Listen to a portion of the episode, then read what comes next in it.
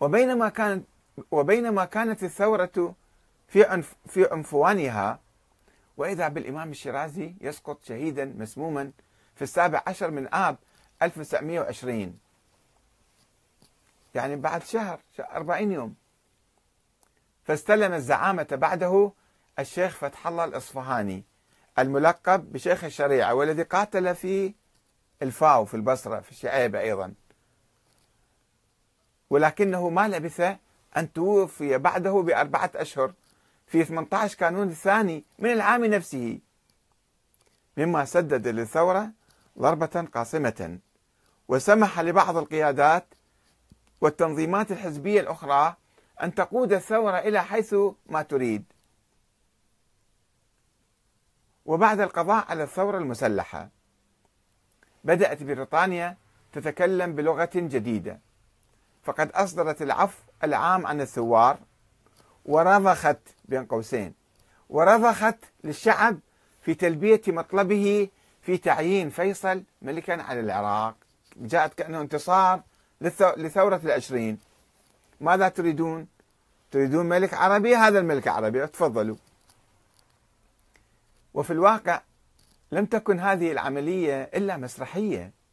حققت بريطانيا أهدافها من خلال بعض العملاء أو الوطنيين السذج الذين لم يفقهوا في السياسة كثيرا الذين لم يعلموا ببواطن الأمور ولم يطلعوا على حقيقة فيصل وعلاقاته الوثيقة مع قوات الاحتلال إذ لم يكن سوى قفاز كشيب لأصابع الاستعمار البشعة يقول نائب الحاكم العام في العراق في تقرير إلى رؤسائه إن فيصلا هو الوحيد الذي يدرك المشكلات العملية في إدارة حكومة متمدنة بموجب الطرق العربية وأنه لا يخطئ في التقدير بأن المساعدة الأجنبية المساعدة الأجنبية أمر حيوي لاستمرار وجود دولة عربية كما أنه يدرك الخطر الذي ينجم من الاعتماد على جيش عربي. ما يصير يسوي جيش عربي يعتمد عليه؟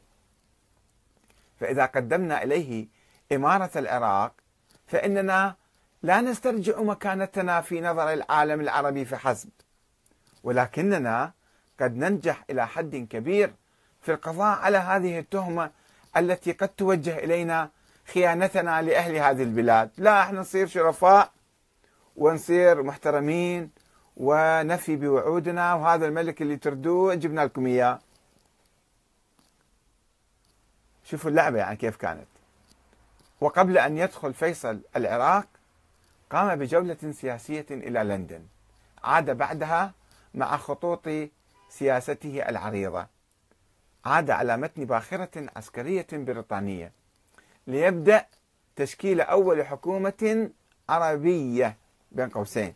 من عناصر حزب العهد العميد تحت إشراف مستشارين إنجليز. هذا هذه مقتطفات من كتاب تجربتان في المقاومة لأحمد الكاتب الصادر عام 1972 بيروت سلسلة نحو حضارة إسلامية. والسلام عليكم ورحمة الله وبركاته وشكرا لكم.